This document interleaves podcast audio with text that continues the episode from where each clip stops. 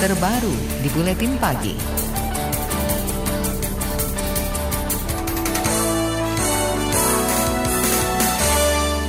Menteri Koordinator Politik, Hukum, dan Keamanan Mahfud MD mewaspadai potensi pergerakan jaringan afiliasi organisasi teror ISIS pasca kematian pimpinannya Abu Bakar al-Baghdadi. Mahfud menyatakan bakal menindak tegas jaringan ISIS yang beroperasi di Indonesia. Ia juga menegaskan penindakan terhadap orang atau jaringan afiliasi ISIS harus sesuai aturan dan dapat dipertanggungjawabkan. Pada di sini itu kan jelas-jelas melawan rakyat dan melawan negara Indonesia. Kalau ISIS dengan sejarah ideologinya itu beroperasi di sini. Jadi tidak tidak ada pengaruhnya terhadap sikap kita tewas atau tidak tidak tewas al Baghdadi nggak tewas pun kita sama tetap menolak ISIS kan gitu. E, masyarakat harus berhati-hati. Menko Polhukam Mahfud MD juga meminta aparat hukum jeli dan tidak salah langkah ketika mengidentifikasi seseorang sebagai pengikut atau kaki tangan ISIS. Kata dia, penegakan hukum tidak boleh mengabaikan aspek kemanusiaan. Sebelumnya, Presiden Amerika Serikat Donald Trump menyatakan Abu Bakar al-Baghdadi tewas meledakkan diri dengan rompi bom bersama tiga anaknya Sabtu pekan lalu. Baghdadi disebut tewas bunuh diri ketika tentara Amerika melancarkan operasi militer di Suriah. Badan Intelijen Negara BIN menyebut tewasnya Baghdadi secara moral pasti berpengaruh bagi para pengikutnya termasuk di Indonesia. Juru bicara BIN Wawan Hari Purwanto mengatakan kematian pimpinan ISIS itu tak serta-merta melemahkan sel-sel terorisme yang ada di tanah air. Serangan balasan atau retaliasi berpotensi terjadi lantaran relasi ISIS dengan jaringannya memiliki sifat keterikatan. Artinya, apa yang dialami pimpinan ISIS di Suriah bisa menyulut tindakan balasan dari pengikutnya. Kita tetap melakukan upaya semaksimal mungkin melindungi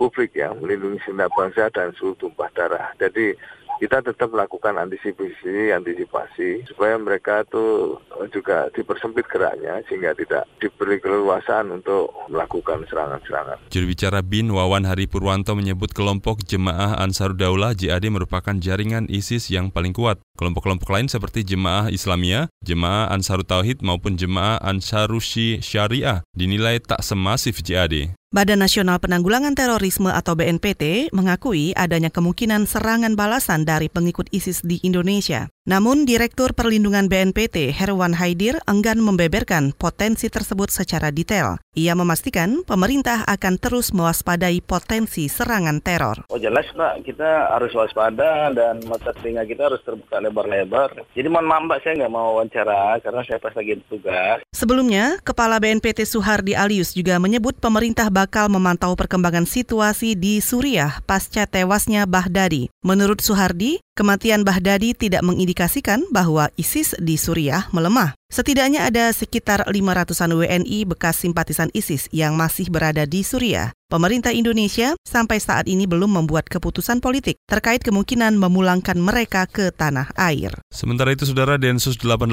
Anti Teror terus memburu kelompok atau sel jaringan ISIS. Juru bicara Mabes Polri Asep Adisa Putra mengatakan, polisi bakal meningkatkan kewaspadaan terhadap potensi meningkatnya eskalasi teror pasca tewasnya Baghdadi. Saya kira kematian Abu Bakar al-Baghdadi sudah diumumkan secara dunia internasional ya dan itu menjadi sebuah kewaspadaan di kita. Namun pada prinsipnya Densus 88 tetap konsisten untuk melakukan upaya-upaya penegakan hukum terhadap pelaku aksi teror ini atau teroris ini.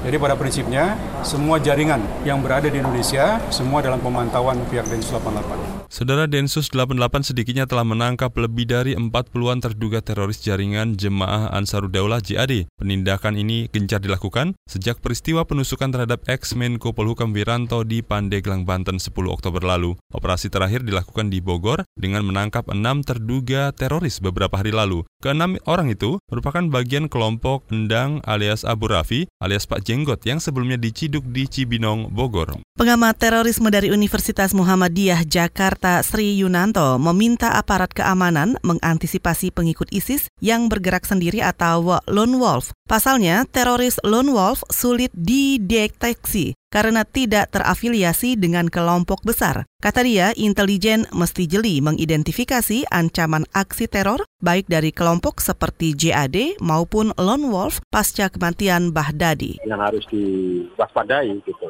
Jadi tentu ini adalah pekerjaan pekerjaan intelijen ya untuk mendeteksi sejauh mana uh, memang ada rencana-rencana pembalasan itu. Tetapi secara umum memang teroris itu akan seperti itu. Jadi ketika tokohnya terbunuh nanti ada retaliasi dan kemudian nanti ada pemimpin baru. Jadi ada kemungkinan ya, ada kemungkinan pengikut-pengikut ISIS tidak dari individu. Tetapi kalau di Indonesia memang pada umumnya sekarang itu terkonsentrasi di kelompok tadi, JAD. Pengamat terorisme Sri Yunanto meminta pemerintah berhati-hati terkait wacana pemulangan ratusan bekas simpatisan ISIS di Suriah. Menurutnya, rencana ini rumit karena banyak tahapan yang harus dilakukan sebelum membuat keputusan mengembalikan mereka ke tanah air. Sementara itu, Badan Intelijen Negara atau BIN bakal memastikan terlebih dahulu bekas simpatisan ISIS itu benar-benar steril dari paham terorisme. Langkah hati-hati ini untuk menghindari keputusan pemulangan tersebut menjadi blunder dan justru mengancam keamanan Indonesia. Anda tengah mendengarkan KBR, radio berjaringan yang berpredikat terverifikasi oleh Dewan Pers.